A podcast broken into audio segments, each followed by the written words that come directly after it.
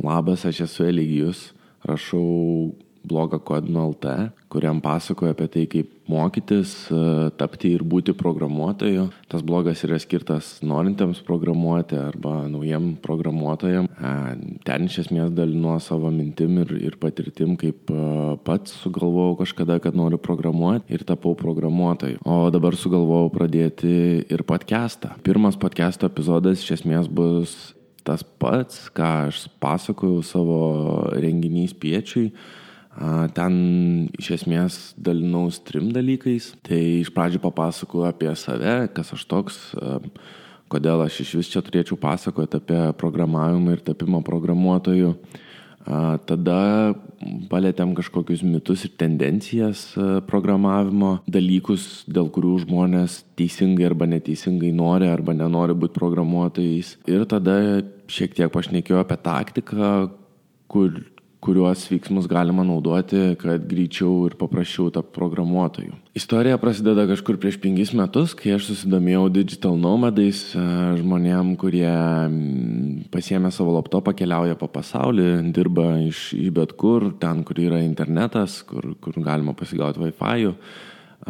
Dažnai tie žmonės buvo visokių kūrybinių sričių atstovai, tai Tai pradėjau ir aš ieškoti, kaip, kaip tą galėčiau pasiekti. Išmėginau iš tikrųjų arba domėjaus e, nemažai visokių dalykų, sričių e, ir rašymų, ir bloginimų, ir SEO, ir web dizaino, ir elektroninių marketingų, ir, ir galbūt dar kai kuriais dalykais, kurių neatsimenu. Nei vienas iš tų dalykų nelabai man lipo. Labiausiai mane patraukė programavimas.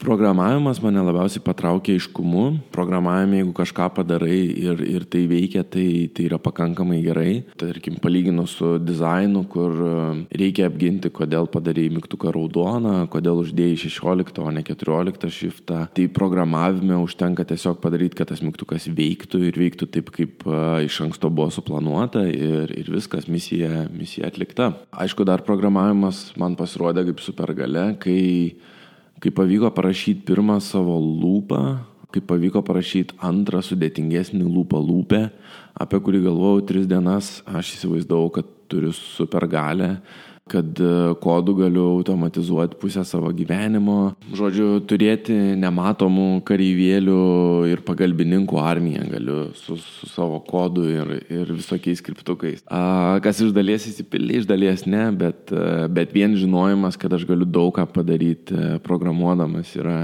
neįtikėtinai smagus man. Atradus programavimą reikėjo kažkaip uh, tapti programuotoju reikėjo išmokti programuoti ir gauti pirmą darbą ar, ar tai pirmus klientus. Aš pradėjau savo ieškojimus nuo, aišku, googlinimo, atradau tutorialus online, YouTube'ose ir visada buvo lygiai ta, ta pati istorija. Aš rasdavau, ką nors, peržiūrėdavau Hello World, liktai viskas aišku, atkartoju.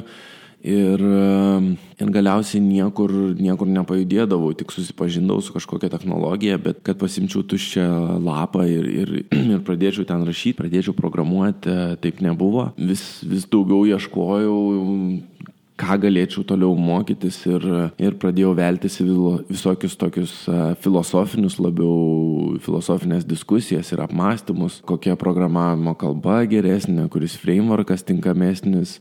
Visada radau ir vienai pusiai pritarančių, ir kitai pusiai pritarančių, niekaip negalėjau apsispręsti. Tie ieškojimai labai daug ir laiko, ir jėgų sugėrė ir kai rasdavau vis kitą naują blizgantį dalyką, vėl grįždavau prie tutorialų, vėl Hello World World pereidavau, kažką parašydavau, bet realaus progreso praktiškai nebuvo, kol nesupratau, kad iš esmės šita tie apmąstymai ir diskusijos ir pasirinkimas, kas yra geresnis ar blogesnis, tai tas pats kaip nuspręsti, kas yra geriau Apple ar, ar Androidiniai telefonai, ar iPhone'as ar, ar koks Galaxy, kai iš esmės jeigu rasim du skirtingus žmonės, kuriem vienas ir kitas patinka, jie turi savo priežasčių ir tos priežastys yra visiškai legit ir, ir vienam yra vienas geresnis telefonas, kitam kitas. Tai, tai va.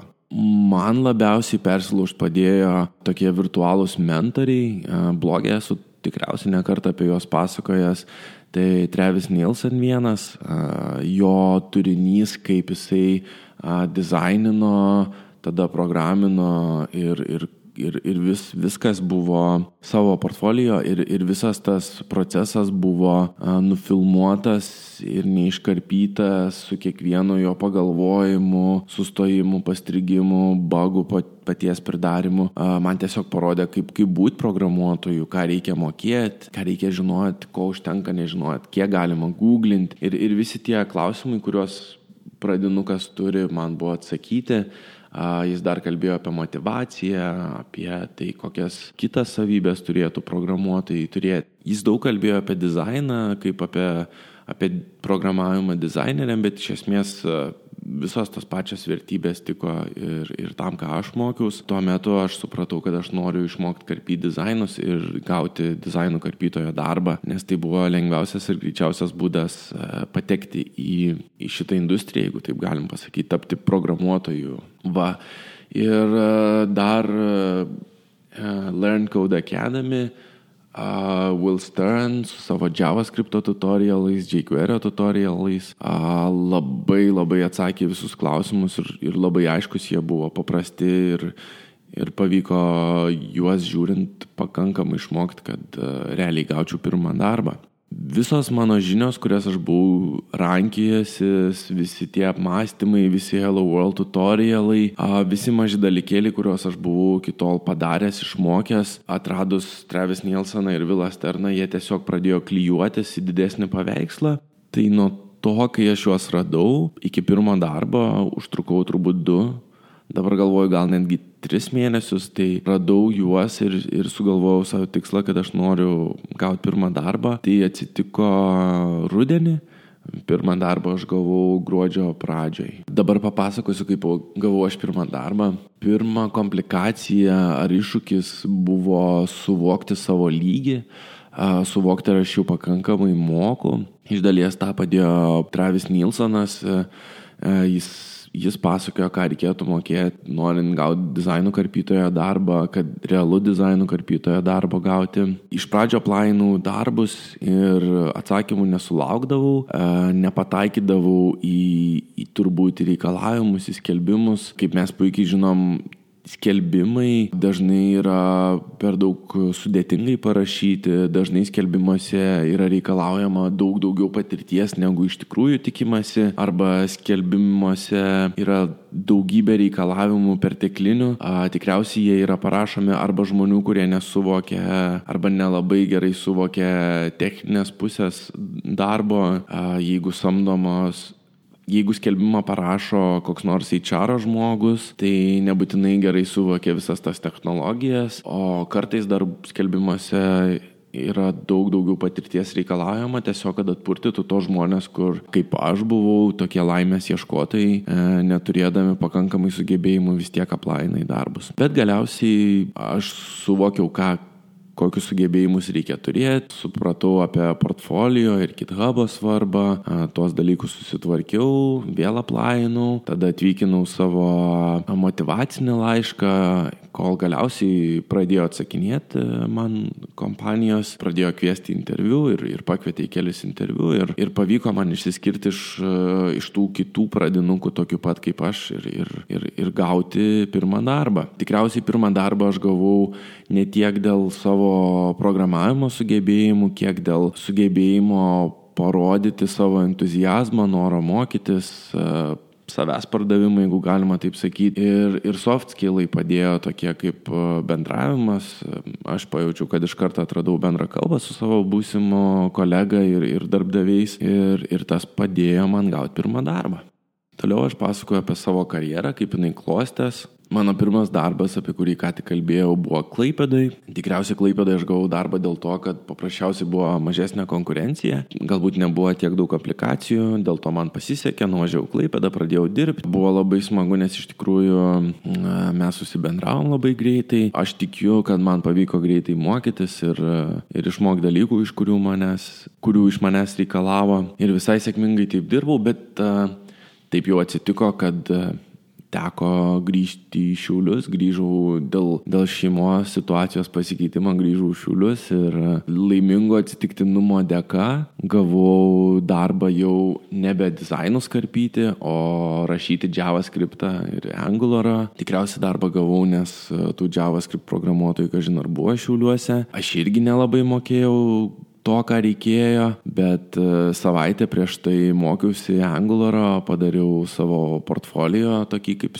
ir su Angularu, labai nekokybiškai, labai jokingai, praktiškai neišnaudojau nei jokių Angularo privalumų ir, nežinau, HTTP requestų su jQuery dariau, kažką žodžių ir šlepiau irgi su, su jQuery, tai buvo ganėtinai prastas tas darbas, bet nepaisant to, kad neturėjau sugebėjimų, man, man sako, žiūrėk, esi testus rašęs. Aš sakau, ne. Tai Tai sako, cool, va, imk, parašyk kelis testus, a, jeigu parašysi, tai galėsi dirbti, jeigu ne, tai, nu, ką padarysi. Aš atėjau, sėdėjau galvą palenkęs ir mėginau tos testus rašyti, mėginau aiškintis, kas ten vyksta, aišku, mėginau rašyti, daug kartų sėvinau, raninau, nieks ten nevyko, bet a, jeigu atmintis neapgauna, tai tikriausiai pirmadienį ir antradienį nepavyko parašyti, o trečiadienį parašiau, bent jau taip man dabar atrodo, ir, ir gavau tą darbą. Ir iš dizainų karpytojo patapau JavaScript programuotoju, kas buvo labai smagu, kar karjeros e, žingsnis į priekį. Bet vėl taip atsitiko, kad e, padirbus pusmetį tikriausiai ten kardinaliai pasikeitė situacija ir, ir vėl reikėjo ieškoti kito darbo. Kitas darbas buvo dar, dar smagiau, kai aš įsivaizdavau, kad aš e, labai gerai išmanau Angularą ir vienas klausimas iškart nukirto mane, parodė, kad tik paviršių jo išmanau, bet sako, nu, okei, okay, ateik pamėginsi, pažiūrėsim, kaip tau sekas. Ir va, tapau Node.js developeriu. Nelabai ilgai ten išbuvau, nes e, nelabai gerai man sekės, iš tikrųjų turbūt e, skill gapas tarp to, ko reikėjo toj darbo vietoje ir tarp to, ką aš sugebėjau, buvo per didelis. Ir e, nelabai man pavyko taip greit mokytis, kaip aš būčiau norėjęs. Vėl išėjau kažkur. Tai turėjau tokį pasirinkimą iš tikrųjų po šito darbo arba važiuoti Vilnių Kauną gyventi ir, ir dirbti, arba mėginti freelancinti. Laimingo atsitiktinumo dėka atėjau čia į tokį freelancerių hubą. Šiauliuose. Vienas kolega dizaineris klausė, sako, tai tu čia žiūrėk programuoji ar ką tu čia darai? Sakau, jo, jo, programuoju. Žiūrėk, ar mokėtum tokį padaryti? Sakau, jo, jo, mokėčiau o, cool, tai aš duosiu tavo e-mailą, čia mano klientai ieško programuotojo. Ir e, kalbėjom, kalbėjome su tais žmonėm, kurie norėjo startupėlį daryti, jie tapo mano pirmais klientais tokio didesnio projekto. Rašėm e, marketplace studentam, kur studentai norėjo keistis ir, ir parduoti vieni kitiem savo vadovėlius. Irgi buvo toksai ganėtinai įdomus prieimimo procesas, kur maždaug sako, tai tu moki backendą rašyti. Ir aš sakau, nu, Nelabai, bet va šiek tiek mėginau vienoje vietoje ir nu, tas backendas ten daug nesiskiria iš esmės. Frontendė tavo kodą visi mato, reikia labai atsargiam būti, o backendė ten gali tiesiog prašyti, kad veiktų ir viskas. Ir dar su domenų bazė reikia bendrauti. Aišku, dabar labai keistai ir neįtikėtinai atrodo toks toks pasakymas turbūt labai naiviai, bet e, nežinau kas, ar, ar nuoširdumas, ar tai, kad aš visiškai suvokiu savo situaciją, ar, ar dar kažkas. Tie klientai pasitikėjo manimi ir, ir mes pradėjom dirbti. Jokinga buvo tai, kad mes turėjom, aišku, labai planą, kas, kas turės kada būti atlikta ir po pirmos savaitės jau turėjo būti šioks toks karkasas e, application'o sukurtas, kad prisijungtų vartotojai ir kažką galėtų daryti prisijungę. O po pirmos savaitės aš dar nebuvau paleidęs serverio, nes niekaip nesugebėjau sukonfigūruoti serverio ir, ir aplinkų developinimo ir productiono. Bet eventually, aišku, supratau, ką reikia padaryti, išmokau, sukonfigūravau. Tie žmonės, mano pirmi klientai, turi savo versliuką, savo startupėlį. Toliau sekė, kai pabaigiau, reikėjo ieškotis klientų. Tai buvo pirmas ir turbūt vienintelis mano toks hasilinimas, kaip ieškotis klientų. Mėginau Upworką liktais ar freelancer.com dar tada vadinos. Nelabai man ten patiko ta sistema, nelabai aš suvokiau, kaip, kaip ten turi veikti. A, nenorėjau aš dirbti už 5 dolerius val už valandą, a, nenorėjau aš konkuruoti, kur kiekvienam projektui pasirodžius a, iš karto buvo daugybės aplikationų. Parašiau gal į tris, nei vienas neatrašė ir sakau, užteks, a, per, per stiprų čia man. Tai tada ėjau į skelbimų saitus, tikriausiai rašiau agentūrom, kad, kad galiu freelancinti, jokio atsakymo negavau ir nuėjau į Craigslist, ėjau per visus miestus ir valstijas, žiūrėjau computer gigs, žiūrėjau, kas ieško programuotojų arba freelancerių arba turi kažkokius projektus. Visiems rašiau tokį daugmaž bendrinį e, laišką, kažką ir kažką tik tai pakeisdamas, ko jie reikalauja skelbime arba aktuali informacija, kuri, kuri būtų kažkaip sujungianti mane su, su būsimu klientu. Tikriausiai gal tris dienas užsiemiau šituo, išsiunčiau gal 30 gal daugiau tokių laiškų. Užteko, kad gaučiau 3 gal 4 atsakymus, iš jų išrinkau vieną ir mes sutarėm, kad padėsiu žmogui turinčiam savo iPhone appsą jį portinti į webą ir, ir buvo mano klientas toks dar vienas. Galiausia pradėjau dirbti su savo dabartiniu klientu. Tai toks darbas, kur, kur aš dirbu jau pusantrų metų ir tai yra praktiškai vienintelis mano projektas, prie kurio dirbu. Klientą susiradau irgi ganėtinai neįprastoje vietoje. Siekiau jų podcastą labai ilgai, labai ilgai iš jų mokiaus ir jie tiesiog sugalvojo, kad forumą, kurį turi, reikia perdaryti ir pasidaryti custom produktą savo, kuris būtų labiau įtraukiantis negu dabartinis jų forumas. Tai nežinau, gal, gal kas nors klausot uh, Fizzle podcast'o, jie turi community, kur moko žmonės iš esmės kaip pragyventi iš savo blogą. Ir dabar uh, mes jau pakeitėm jų formą su produktu, kurį mes developinam. Dirbu su JavaScript, su Vue, uh, Node.js ir, ir daugiau ten dalykų visokių yra gal GraphQL, toks įdomesnis būdas perduoti domenim, real-time applicationas yra su soketais viskas veikia. Tikriausiai kažkoks mišinys tarp tarp forumo, čato, Facebooko grupių, sleko mm, ir, ir, ir va.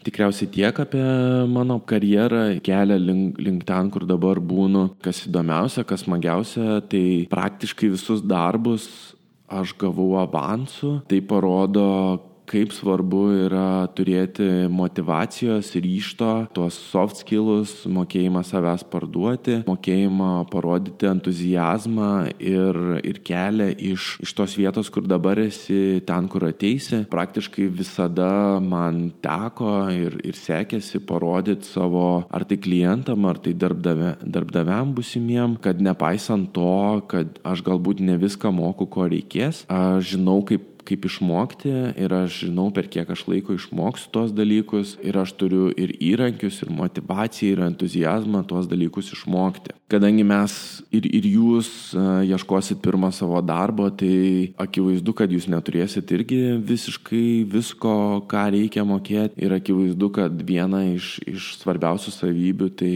bus sugebėjimas greit išmokti tai, ko nemokat. Ir dar sugebėjimas parodyti, kad jūs sugebėsite tai išmokti tikriausiai tai. Kita, kitas įdomus ir, ir svarbus dalykas tai, kad programavimas davė man labai daug laisvės, pakeitė mano gyvenimą į tokį, kur aš turiu ir daugiau laisvės, ir, ir daugiau įrankių ir būdų kontroliuoti ir rinktis e, savo gyvenimą taip, kaip aš noriu jį gyventi. Aišku, pajamas didesnės davė ir pasitenkinimą savo darbu ir savo veikla.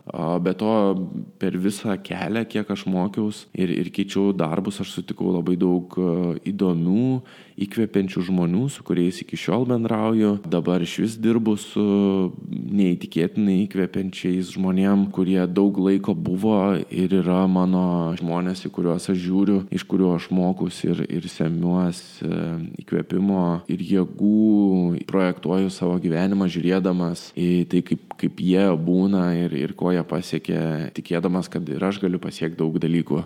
Va. Toliau kita dalis. Pirmą dalį jau, jau papasakojau, jau paklausėt.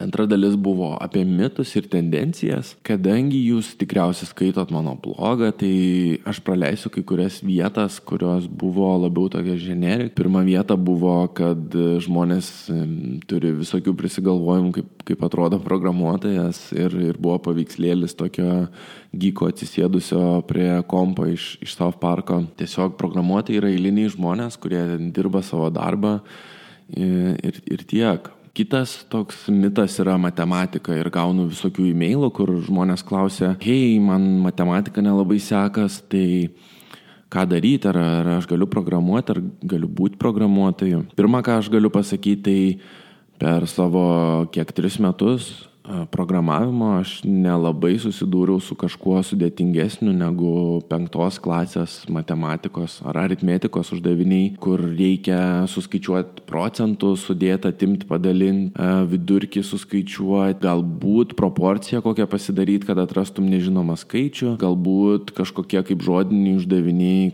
žinai kažkokią problemą matematinę, reikia tiesiog ją pasiversti skaičiais ir atrasti nežinomą vieną skaičių. Matematikos matematikos nepaslaptis gali prireikti, matematika tikrai žinojimas jos yra labai geras dalykas ir yra tam tikros rytis, kuriuose neišeis be jos išsiversti, tai tikriausiai statistika arba kitaip tariant dirbtinis intelektas, machine learning, 3D variklių kūrimas, grafika, galbūt žaidimai. Tuose dalykuose tikrai reiks matematikos, mokantis universitete, gilinantis į kompiuterį computer science, irgi reikės matematikos. Tiesą pasakius, dabar skaičiau knygą, kur pirmą kartą po mokyklos laikų pamačiau diskriminantus, jeigu kažkas atsimenat, kas jie tokie. Ir, ir pamačiau, kad diskriminantai tikrai yra naudojami ir, ir programuotojam gali jų prireikti. E, norint apskaičiuoti, koks naudingas ir, ir greitas yra jūsų sukurtas algoritmas. Bet aš galvoju, kad tiek tos matematikos, kiek jos gali prireikti programuojant, galima išmokti absoliučiai visiems. Galbūt vieniem greičiau, kitiem lėčiau. Reiktų neišsigąsti, kad ten reikia kažkokios tai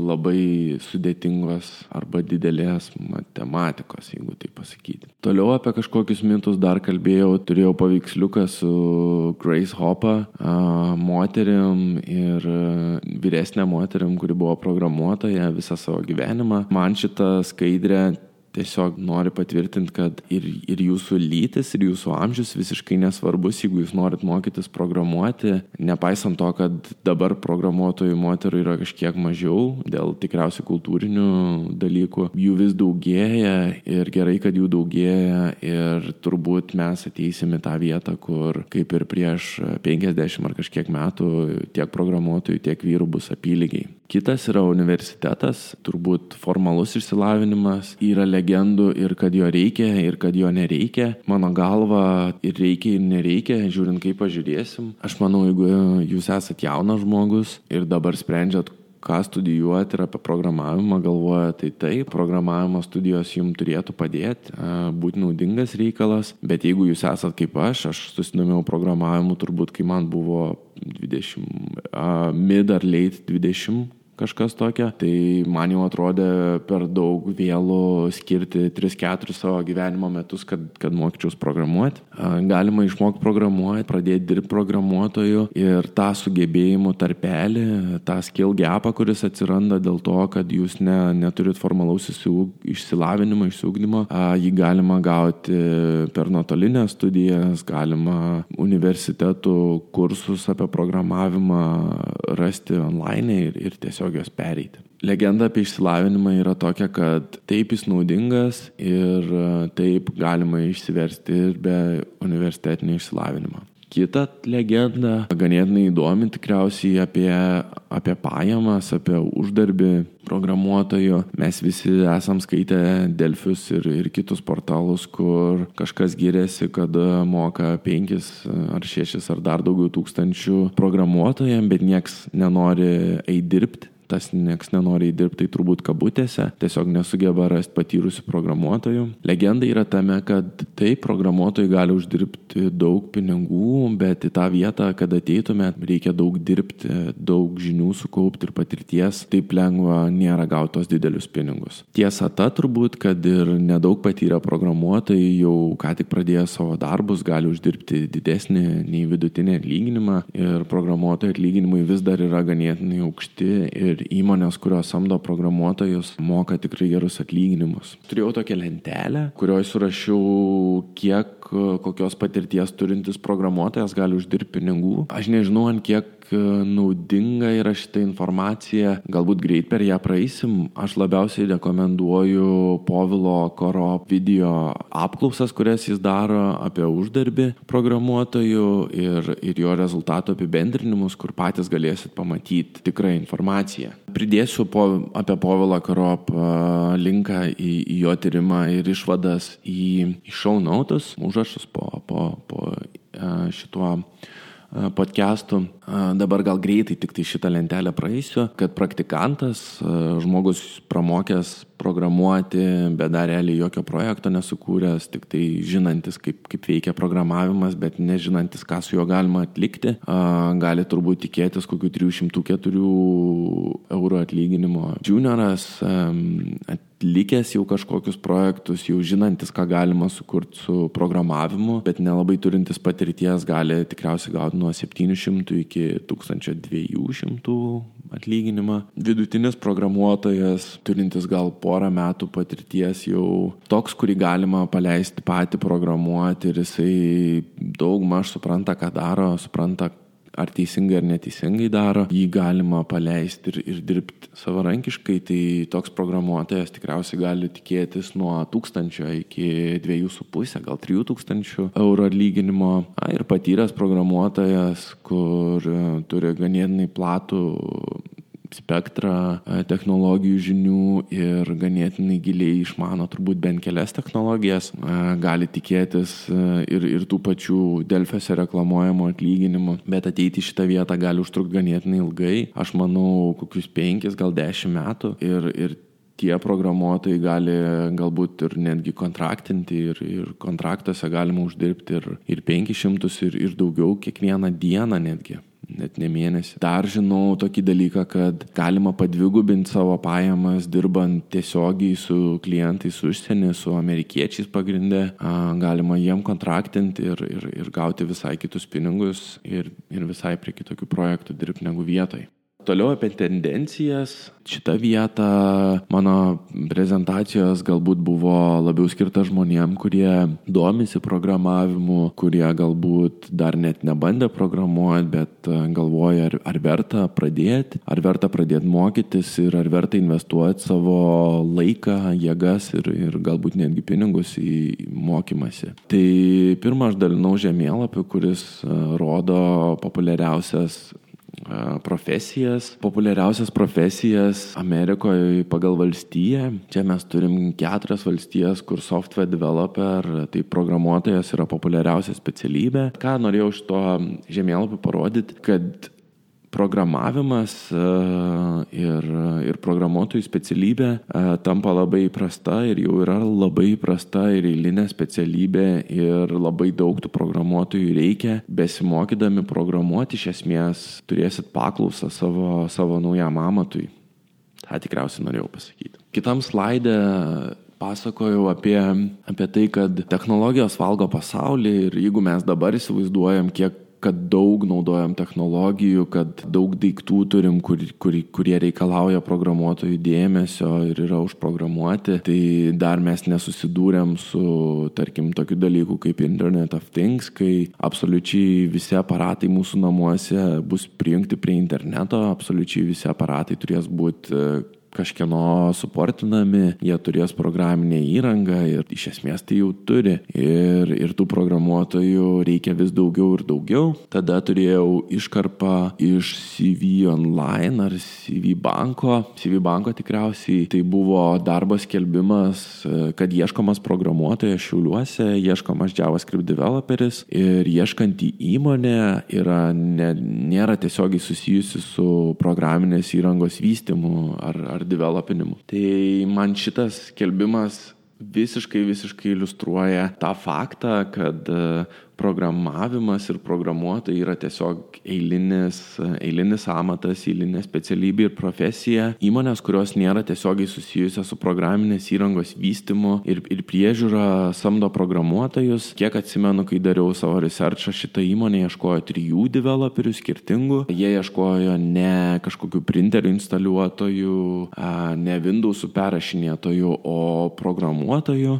Jie aiškiai suvokė, ko jie ieško ir įmonė kažkokiuose šiauliuose, kur, pripažinkim, galbūt nėra vieta, kuri technologically labai išsivyšius ir advanced, a, ieško programuotojų. Kaip dabar įprasta atėjus į įmonę matyti buhalterių kažkokį skirelį, pardavėjų skirelį ir, ir nieko nestebina, kad tos specialybės dirba, a, dirba įmonėse eilinėse. Taip aš manau, kad jau dabar ir, ir, ir ateityje bus labai įprasta turėti ir programuotojų skirelį, kurie turbūt tos įmonės softą prižiūri, galbūt svetainę, gal dar kažką developina, galbūt įmonės developina savo softą savo reikmėm, programuotojai ir programavimas yra tiesiog eilinis darbas. Dar trečias dalykas, kurį aš matau ir apie kurį aš kalbėjau, tai infrastruktūra ir, ir daugybė paslaugų, kaip kurias mes kaip programuotojai turim aplink save ir kurios padeda net mažom komandom ar vienišam programuotojui kurti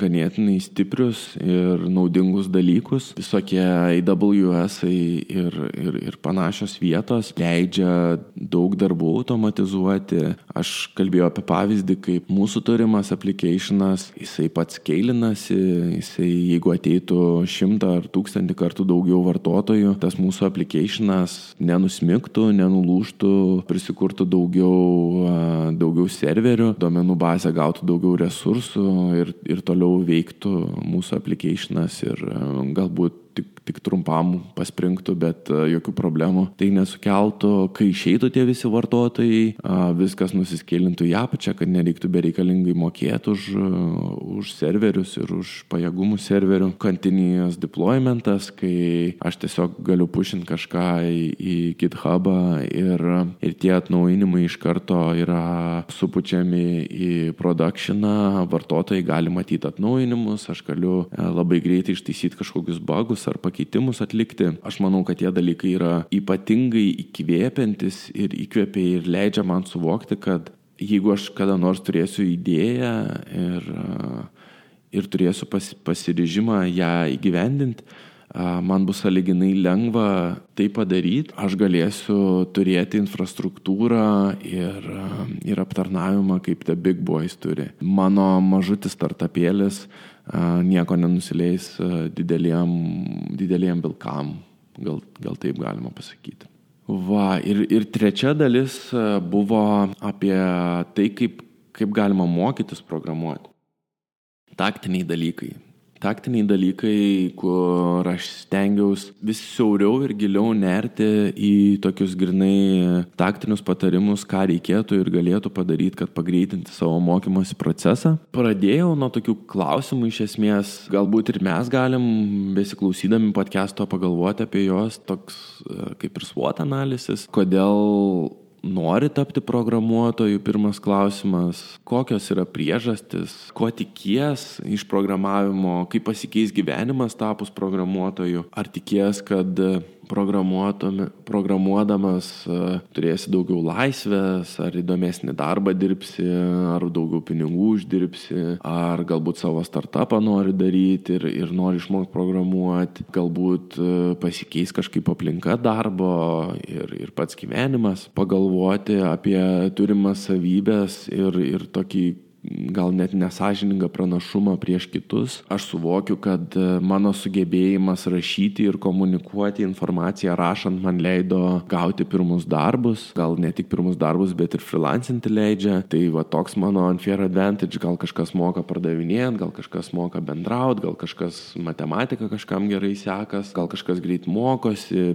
net nežinau, kiek, kiekvienas mes save gerai pažįstam ir, ir galim, galim suvokti, kokius privalumus turim, kurie padės padėtų mums programuoti, sugebėjimai iš, iš praeitų darbų, tam tikrų industrijų išmanimas, galbūt jūs e, buvo žemės ūkija, tarkim, suvokėt, kad e, yra labai didelė spraga, kur galima kažkokį softą sukurti, kas palengvintų ir pagerintų žemės ūkį, kas bus sunkiausia mokantis programuoti, reiktų pagalvoti, turbūt tuos dalykus daugiau dėmesio skirti bus galima, kas galėtų sutrukdyti tapti programuotojui, kodėl galėtų nepavykti, galbūt pavyks kažkaip užbėgti už akių šitiem dalykam, jeigu jūs apie juos žinosit. Tai apie mokymasi programuoti.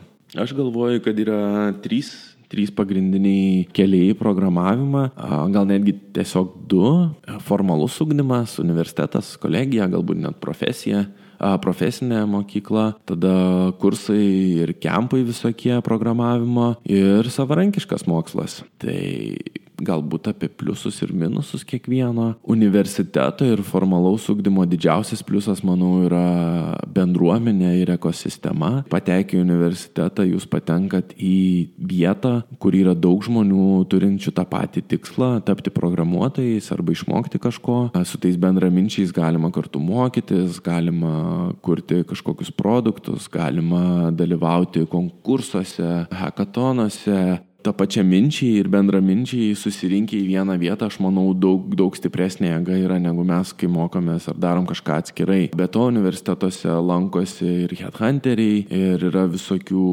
ir galimybių, ir nemokamų dalykų, kuriuos galit gauti, kurių savarankiškai besimokydami jūs tikriausiai negausit. Taip pat yra įgaunamos žinios, kurios yra daug platesnės, pagalvojus apie tokius savo mokslus, tarkim kaip aš ar, ar kaip dauguma iš mūsų, tai mes tikriausiai žinom labai siauras praktinės žinias turim, mes žinom kaip kažką atlikti, bet galbūt mes nesuvokiam platesnio paveikslo, tokį pavyzdį galbūt e, galėčiau prisiminti, kaip aš kažką dariau ir man buvo baisu, kad e, mano funkcija kiekvieną sekundę suveiks ir suveiks ne vieną kartą, o keliolika ar net keli šimtus kartų ir aš bijojau ją rašyti ir bijojau ją taip raninti, nes aš nesuvokiau, kad kompiuteriui tai yra niekis, tai yra labai, labai lengvas ir paprastas reikalas. Ir kad uh, tikriausiai, jeigu būčiau mokęsis universitete, būčiau labai aiškiai suvokęs, kad uh, tūkstančius ir dešimtis ir gal net šimtus tūkstančių kartų raninti uh, mano šitą funkciją kompiuteriu yra nieko tokio.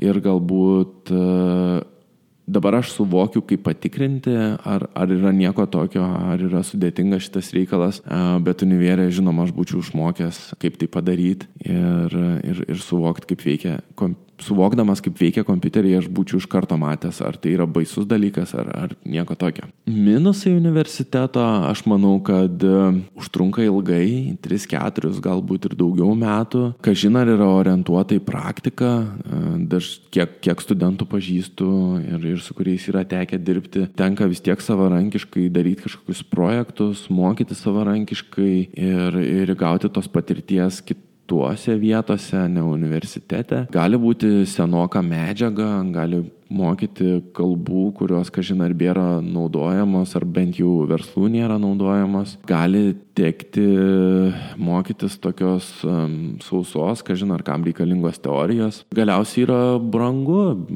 Universitetinis išsilavinimas yra brangus, jeigu jūs už jį mokat. Net jeigu jūs už jį nemokat, yra, reikia save išlaikyti, atsiduoti mokymui, mokymuisi ganėtinai nemažą laiką, kas irgi kainuoja. Kaip išvada apie universitetinį ar formalų išsilavinimą aš galvoju, kad jisai yra tikrai geras, jeigu jūs esat jaunas, jeigu jūs neturi daug įsipareigojimų ir galite skirti savo laiką mokymuisi universitete, tai yra puiku, bet tokie žmonės, kur jau yra kaip pasakyti, suaugę, kur jau turi kažkokius įsipareigojimus, išlaidas, tai gali būti per vėlų mokytis universitete. Bet to, kaip minėjau, tas pačias žinias galima įgauti vėliau. Jeigu jausit poreikį ar kažkokią tai žinių spragą, tuštumą, ją galima laisvai užpildyti kitais būdais. Tada apie, apie kursus ir stovyklas.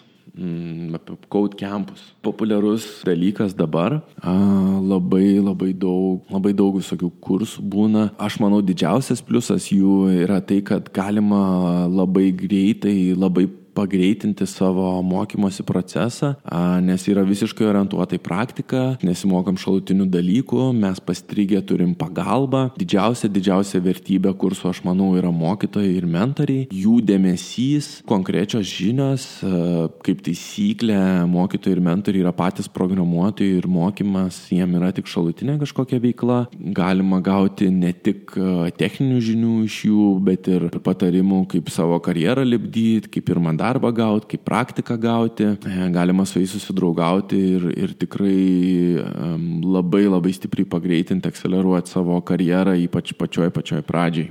Minusą didžiausiai išvelgiu tikriausiai tame, kad sunku pamatuoti kokybę ir nepaslaptis, kad kai kurie kursai a, galbūt yra netokie geri kaip kiti, tad reikėtų labai, labai gerai pasitikrinti. Manau, pasitikrinimo procesas turėtų būti išsiaiškinti, kas bus mokytojas ir mentorius. Kaip jau minėjau, tas yra svarbiausia dalis kurso. Galbūt netikėti tais pažadais tokiais, kaip mes būtinai gausim tavo darbą, nes šitas tai, nežinau, man toksai nelabai ne realistiškas yra. Gausi darbą pats, gausi praktiką pats, jeigu, jeigu mokėsi, jeigu gerai seksis, jeigu įdėsi pastangų ir suprasi, kaip reikia parduoti save ir kaip pademonstruoti, kad, kad turi sugebėjimų. Ir va, ir vis tiek e, galiausiai mokslas bus savarankiškas, mokysies pats, bet turbūt ir universitete tas pats, reikia, reikia pačiam įdėti pastangas ir mokytis. Toliau savarankiškas mokslas. Savarankiškas mokslas man labiausiai patinka dėl to, kad yra pats, pats pigiausias galbūt greičiausias ir įmanoma mokytis daug greičiau, įmanoma mokytis dalykų, kuriuos tikrai pats nori ir, ir kuriuose save matai.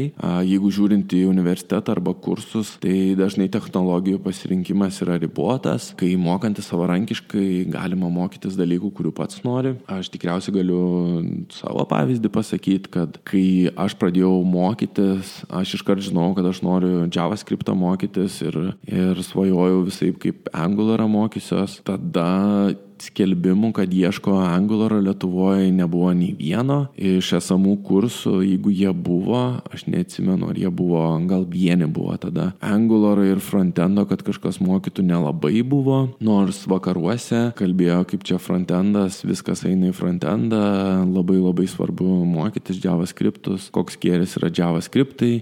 Lietuvoje agen buvo PHP ir tik PHP, tai jeigu aš būčiau mokęsis kažkaip tais pirmais dviem būdais, tikriausiai aš būčiau PHP developeris. Mano karjera nebūtų taip susikloščiusi, kaip jinai susiklostė dabar, dėl to, kad aš norėjau mokytis tuo, ko tikėjau, to, ko tikėjau, kad yra svarbu ir naujas ir įdomus dalykas, kas iš esmės man padėjo savo karjerą lipdyti taip, taip kaip jinai susilipdė, kaip jinai lipdosi ir, ir juda dabar. Bet savarankiškas mokslas lygiai tiek pat turi tokius pat minusus kaip ir prieš tai buvę du, tie minusai ganėtinai stiprus yra iš tikrųjų mokantis savarankiškai ir neturint mentoriaus arba kitų kolegų, kurie kartu mokosi, yra praktiškai neįmanoma ir labai labai sunku suprasti savo lygį, a, suprasti ar jau pakankamai mokė, labai lengva nukrypti į mokymas mokymasi paviršium, mokymasi visokių daug dalykų po truputį, labai lengva galvoti, kad mokais, bet iš tikrųjų neprogresuoti visai. Taip pat labai lengva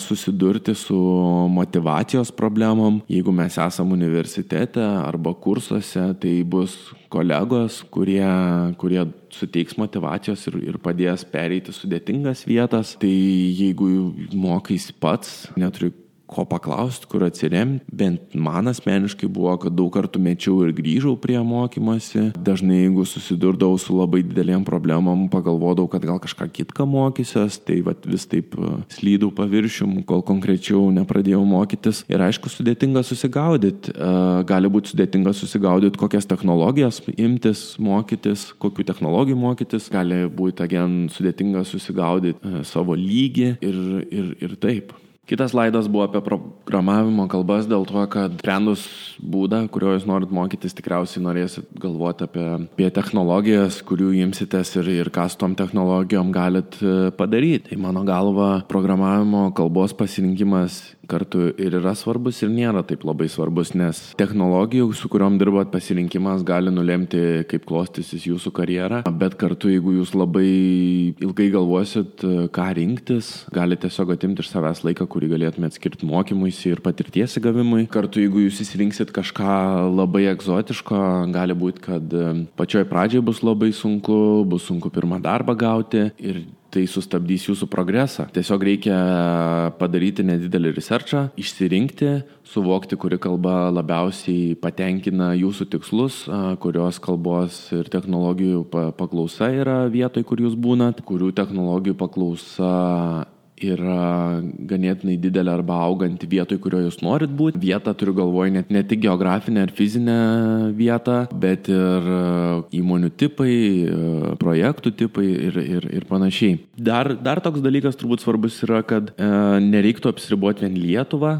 nereiktų apsiriboti vien tą vietą, kur jūs fiziškai esat. Mes pasirinkėm, jau aš pasirinkau būti programuotojui dėl to, kad aš norėjau būti globaliai dirbančių specialistų. Manau, mes visi turėtume taip galvoti. Ir e, galima važiuoti kažkur kitur dirbti, galima dirbti čia ir, ir nuotoliniu būdu ir, ir visai kaip, kaip įmanoma. Tai galim pakalbėti apie, apie kalbas. Turiu tokią lentelę su populiariausiam kalbom, apie kurias tikriausiai jūs galvosit, kai galvosit apie savo pirmą programavimo kalbą. Pirmoje vietoje tai PHP užrašiau dėl to, kad jinai tikriausiai yra populiariausia Lietuvoje. Esu įsitikinęs, kad mokant PHP darbas yra garantuotas lietuviškose įmonėse, bet to PHP projektų ir, ir panaudojimo būdų spektras yra labai platus. Galima nuo WordPress'o iki startupų, iki didelių projektų užsiminėti PHP. E, Nežinau, ar, ar tai yra kalba, kuri duos jums geriausią karjerą ir, ir geriausią karjeros kelią. Tikėtina yra, kad e, galima kažkokį PHP frameworką net ne frameworką, o CMS, kaip, kaip WordPress ar kažkas panašaus pramokti ir ten kaip ir pastrikti, nes jūs jau gausit e, darbą, galėsit gauti darbą, atlyginimą, klientus ir, ir visiškai būti e, sėkmingų developerių, bet tas karjeros progresas gali striktel šiek tiek. Tai va, tai nežinau, ar, ar gera PHP kalba mokytis tuo, kad, kad Lietuvoje jinai labai populiari, pavojai tokie galimi, tai gali šiek tiek karjerą kitaip klostytis, negu, negu bent jau aš norėčiau, kad mano karjera klostytųsi. Ar, ar jūsų karjera. Tada JavaScript užrašiau, JavaScriptas yra nuostabus tuo, kad ir backendas, ir frontendas, ir praktiškai viskas, ką jūs galite įsivaizduoti, jam yra naudojamas JavaScriptas. Aš JavaScriptą developinu ir tiesą pasakius, kad ir kaip labai norėjau Pythonu profesionaliai dirbti, ar, ar galbūt Go, dar neteko, nes neprireikė man tų kalbų. Daug greičiau, paprasčiau, lengviau ir pigiau aš galiu padaryti tuos dalykus su JavaScriptu. Dar toks pliusas, kad tarkim mes dabar darysim desktopinę appsą iš savo saito, tai tą patį padarysim su JavaScript elektronu. Jeigu reikės kažkada mobilę programėlę kurti, mes turbūt irgi galėsim portinti savo JavaScript kodą į kokį nors native solutioną. View, aš dirbu su View, tai View kažką turi, bet nežinau, ant kiek nelabai domėjaus, kiek, kiek gerai išsivystė šitas reikalas, bet yra reaktas ir, ir galima prašyti su JavaScript native appsus. Yra geras pasirinkimas, geras pasirinkimas dėl to, kad lengva pradėti, yra paklausa. Jeigu nežinot, ką tiksliai norėsi daryti, tai jūsų neapriboja JavaScriptas, nes galėsit daug, daug pakraipų imti ir daryti. Puiku puikus pasirinkimas norint freelancinti, aš manau, nes bet ką galit padaryti, galit labai platų spektrą paslaugų pasiūlyti. Yra paklausa Lietuvoje vien dėl to turbūt, kad e, frontendą vis tiek visiems reikia rašytis ir tik su JavaScript frontendas yra rašomas. Tikiu, kad yra daug kur ir Node.js, kas naudoja Lietuvoje iš, iš darbo skelbimo, akivaizdu, kad yra JavaScriptas yra cool. Pythonas tikriausiai turbūt pati geriausia kalba mokytis kaip pirma, vien dėl to, kad e, communities geras, išmokys gerų praktikų, pati kalba ir, ir kalbos filosofija yra tokia, kad e, yra vienas teisingas būdas kažką padaryti. Tikriausiai nesutiksit labai daug vietų, kur kažkokių gudrybių pripanaudota, kur e, naujam programuotojui sunku suvokti. Yra labai gerai, jeigu jūs susidomėsit dirbtiniais intelektais, statistika, matematiniais dalykais, moksliniais. Pytonas puikiai tam tinka. Irgi daug daug, daug visokių panaudojimo būdų. Pitonas neveltui yra dabar universitetai pradeda Pitoną mokytis bent jau Amerikoje kaip, kaip pirmą kalbą. ir intro į programavimą. Rekomenduoju mokytis. Lietuvoje paklausa jinai yra, Aš, aš taip galvoju, kad įmonės, kurios dirba su Pythonu, jos nelabai reklamuojas per daug, nes kadangi nėra daug Pythono programuotojų, tai e, neapsimoka reklamuotis, apsimoka kažkokiais kitais būdais ieškoti savo programuotojų. Kiek žinau, yra Pythono bendruomenių, bent jau Facebook'e yra ke ke kelios grupės, kur mokant Pythoną galima, manau, ir praktiką, ir darbą gauti, ir, ir, ir įsilieti tą bendruomenę, įsiliejus, tai viskas aišku, kad, kad bus daug lengviau. Tada turiu pasižymėjęs Java, teisingiau toj lentelėje yra Java arba Kotlin skliaustelėse dar parašyta Java tikriausiai iš senesnių dalykų, tai korporitas e, naudoja, didelės organizacijos, galbūt bankai ir, ir taip toliau, ir taip toliau. Ir, ir dar, aišku, Androido appsai. Aš nežinau, ar yra labai gera kalba mokytis, nelabai esu susipažinęs su Java, tai bijau kažko primeluoti, bet panašu, kad pati kalba nulipa jau nuo populiarumo savo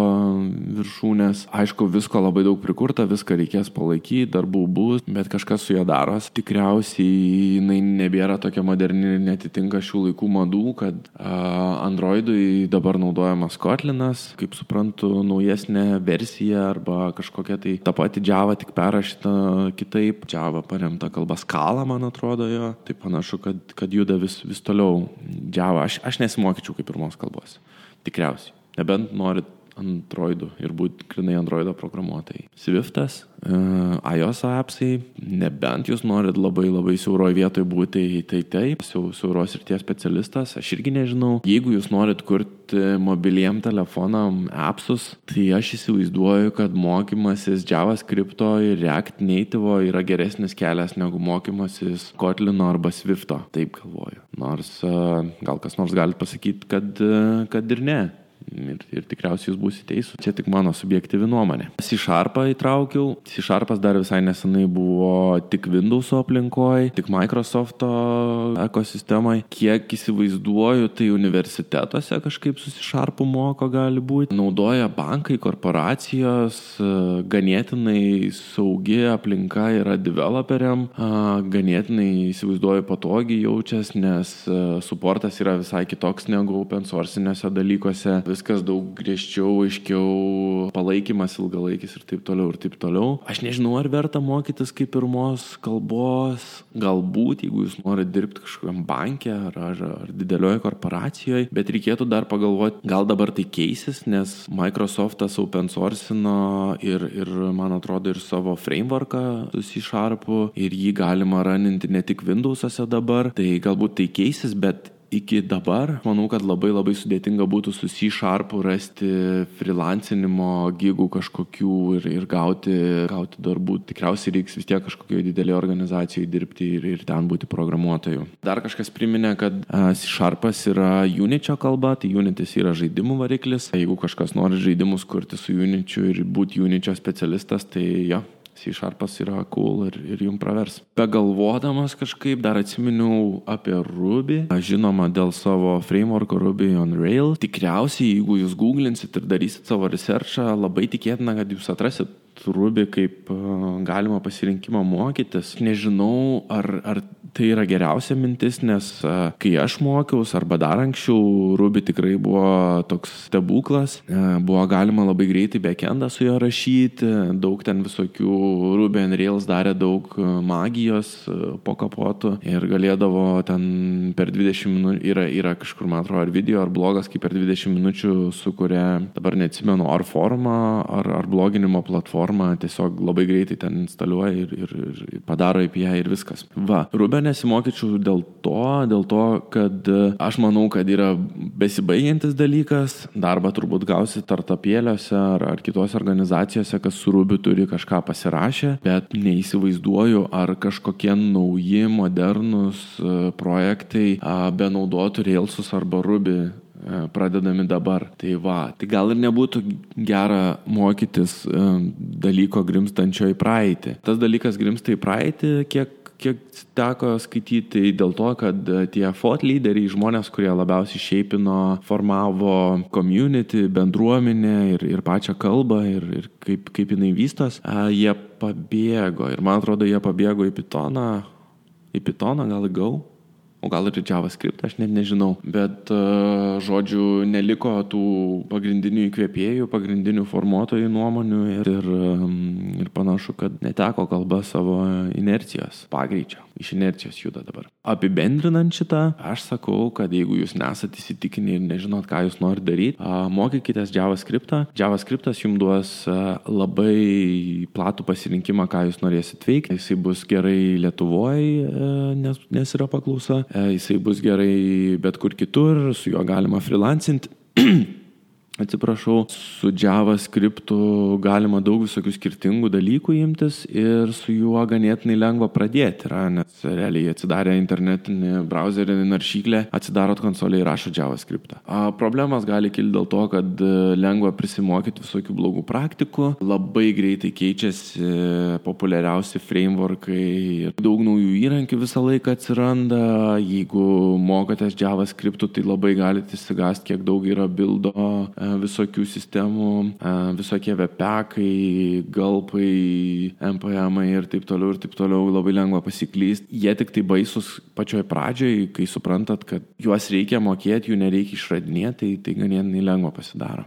Va. Toliau, uh, neriant giliau į grinai taktinius dalykus, pats idealiausias įrankis mokytis ir mokytis savarankiškai, manau, yra Freakout Campas. Uh, freakoutcamp.org arba freakoutcamp.org slash map. Tas įrankis yra kaip uh, kursai, kaip campas online, nemokamas, bendruomenės palaikomas ir, ir tobulinamas, kiek aš įsivaizduoju. Patinka šitas dalykas dėl to, kad jisai turi ir turėtų atvesti nuo tos vietos, kai jūs susidomit programavimu, kai jūs norit pamėginti programuoti, iki tos vietos, kur jūs jau būnat programuotojas ir, ir turit savo pirmą darbą. Netgi kai jau, jau turit savo pirmą darbą, galima iš Freakout Campo labai daug naudingo skilo įgauti ir, ir išmokti dalykų. Gal vienas toks minusas, vienintelis Freakout Campo, tai kad jie, jie sako, kad užtruks labai ilgai, du metus e, full time mokantis, kas yra ir tiesa, ir netiesa. Jie patys tuo pačiu metu sako, kad e, didelė dalis mokinių gavo savo pirmus darbus dar nebaigę paties Freakout Campo. Tai yra tiesa, nes iš tikrųjų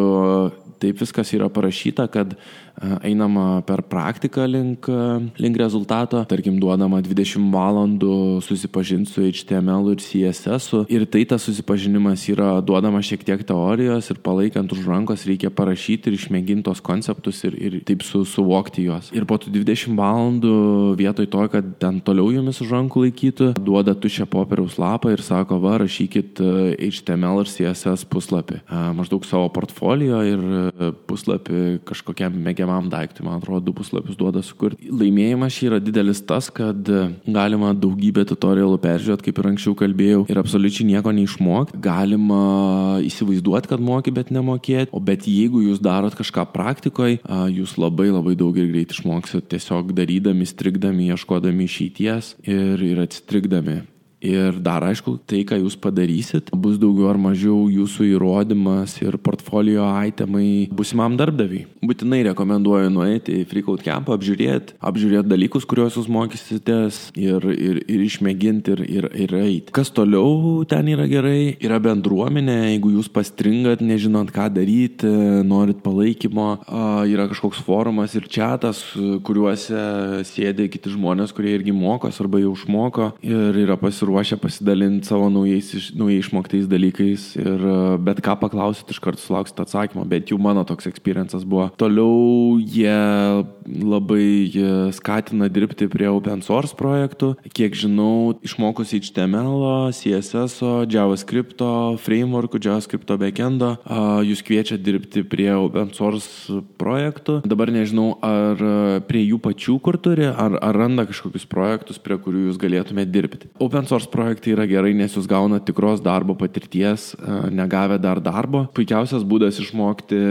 tokių dalykų kaip etiketas programuotojų, bendravimas, dokumentacija, darbo pats tekmė, procesas ir, ir, ir tokie visokie panašus dalykai. Kai atėję į pirmą darbą, jūs e, nesijausit, kad esate iškirti iš medžio, nors kažką suprantate apie programavimą, nesuprantate apie, nesuprantate apie darbo, darbo procesą. Dar giliau žiūrint, tai kalbėjau apie, apie apie dažniausias klaidas, kurias programuotojai daro. Manau, didžiausia problema yra knygų skaitimas ir, ir pradėjimas programuoti nuo knygų skaitimo. Čia tikriausiai dėl to, kad mes mokykloje tai buvom išmokyti ir galbūt yra labai nedidelė grupė žmonių, kuriem teorijos įgavimas duoda ar tai pasitikėjimo ar kažko. Mano patirtis buvo ir vakar irgi buvo prieėjus moteris, kuris sakė, aš perskaičiau kelias knygas ir nieko neišmokau programuoti. Iš esmės jūs galite perskaityti tas knygas, arba suprast, arba nesuprast, bet kai reikės rašyti kodą, tos knygos mažai ką padės. Bet atvirkščiai, jeigu jūs pirmą busit rašę kodą ir mokėsit e, šiek tiek programuoti,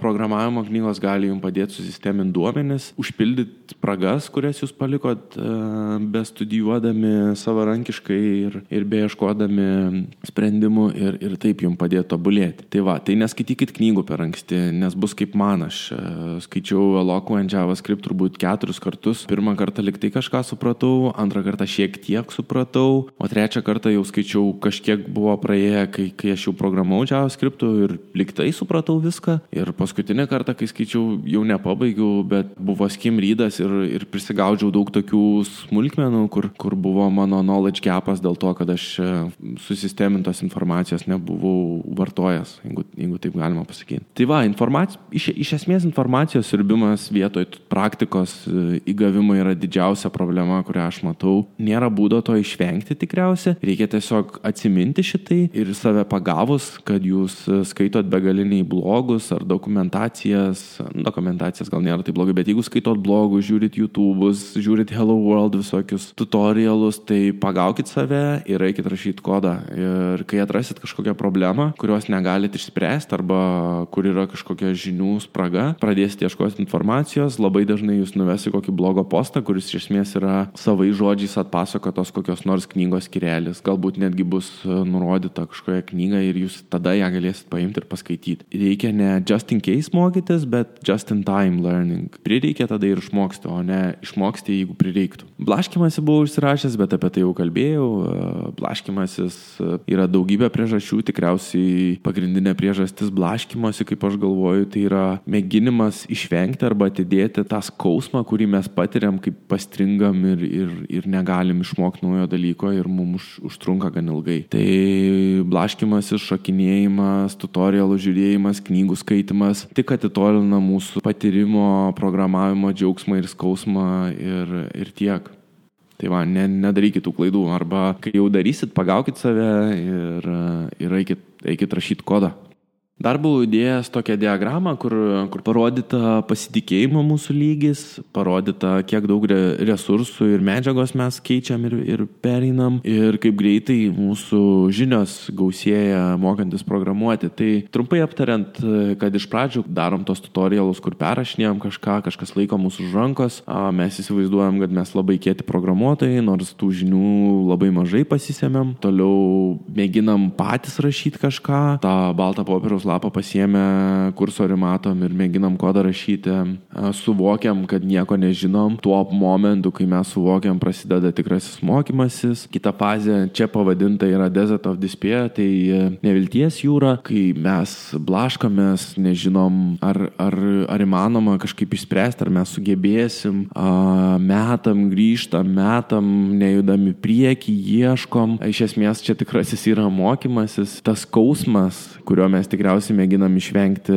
siurbdami informaciją ir yra šitoj vietoj. Ir galiausiai anksčiau ar vėliau ateina tas laikas, kai mes persilaužiam ir suvokiam, ką reikia padaryti, bereikia tik tai išmokti arba padaryti tuos dalykus ir, ir, ir bent jau šitoj diagramai tai rodo, kad mes jau esam pasiruošę darbui, bet e, mano galva tai bet kokio naujo dalyko mokantis, e, ypač e, su programavimu susijusio, mes visą šitą procesą pereinam. Aš asmeniškai visada pereinu, kartais trunka kelias valandas, kartais gali trukti ir kelias mėnesius, jeigu kažką sudėtingesnio mėginu perprasti ir išmokti. Kai suvoki šitą, tai, tai suvoki, kad reikia tiesiog pasitikėti procesu, daryti dalykus, neskubėti ir, ir išmokti anksčiau ar vėliau. Na nu ir galiausiai tai visiškai e, praktiškiausias turbūt ir, ir pats tiesmukiškiausias patarimas, ką aš noriu patart ir kas, manau, labiausiai, labiausiai paspartintų procesą mokymosi, tai mentoriaus turėjimas. Aš jau anksčiau pasakojau, kad pats tokio kaip ir e,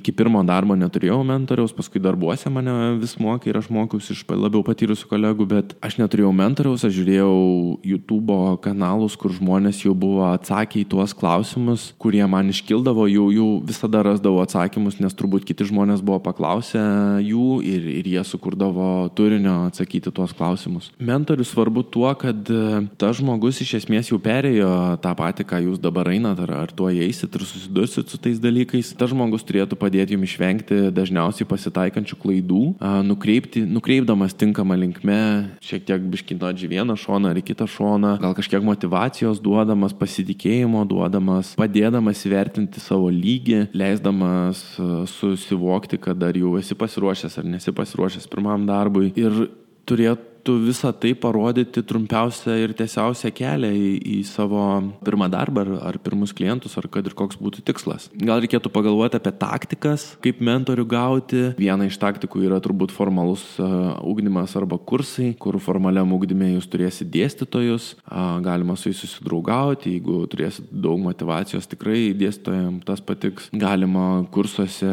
su dėstytoju, irgi kursų vedėju ar dėstytoju, ar kaip, kaip tas žmogus vadinas, bendrauti susirasti, galima mėginti virtualius mentorius susirasti. Aš tikiuosi, kad irgi savo patarimais dalinuos ir dažniausiai stengiuosi atsakyti ir į e-mailus, kartais paverčiu tuos e-mailus blogo įrašais, kad, kad visi, kas susidurs su panašiom problemom, galėtų jas įveikti ir peržengti ir, ir gauti pakankamai informacijos. Tai buvo paskutinė mano skaidrė. Tiek ir te papasakojau. Dabar žiūriu į laikroduką, kad aš čia kalbėjau pusantros valandos. Aš, aš labai tikiuosi, kad pavyks man kažkaip karpyti šitą podcastą, gal kelias dalis ir matysim, kas gausis. Labai ačiū, kad klausėt. Labai smagu man buvo kalbėti, ruoštis. Labai smagu buvo spiečiui pasakoti savo dalykus. Labai smagu buvo dabar įrašinėti ir tikiuosi, kad pavyks padaryti podcastą įdomų ir, ir naudingą. Labai norėčiau, kad nueitumėt į, į, į blogą blogą mano, kodinu.lt, paliktumėt savo e-mailą, pasubscribintumėt. Didelis ūpas ir labai daug reiškia, kai aš matau, kad žmonės subscribina ir, ir pasitikė duodami savo e-mailą, man tai rodo, kad tikriausiai kažką teisingai darau, tikriausiai turinys yra naudingas ir e, dabar, kai jau pradėjau podcastą, tai e, man labai daug reikštų, jeigu jūs nueitumėt į iTunesus, subscribintumėt ir, ir paliktumėt reviewsą ar, ar žvaigždučių duotumėt, tai labai daug reikštų, galite ateiti Facebooką palaikinti, galvoju, galvoju, kad su Instagramu kažką pradėsiu daryti, bet labai labai daug dalykų vyksta, tai dar neįsiaiškinau, kaip Instagramas turėtų atrodyti, ką aš ten turėčiau dalintis, kokią informaciją ten geriausiai vyktų. Jeigu kas nors turit minčių apie Instagramą ir strategiją, tai pasakokit. Labai lauksiu klausimų jūsų ar, ar temų, apie kurias galėčiau pakalbėti. Ir agen, tikriausiai labiausiai, labiausiai e, galėtumėt prisidėti prie podcast'o kūrimo, tai iTunes'ose palikdami komentarą. Ačiū labai uždėmesi ir, ir va.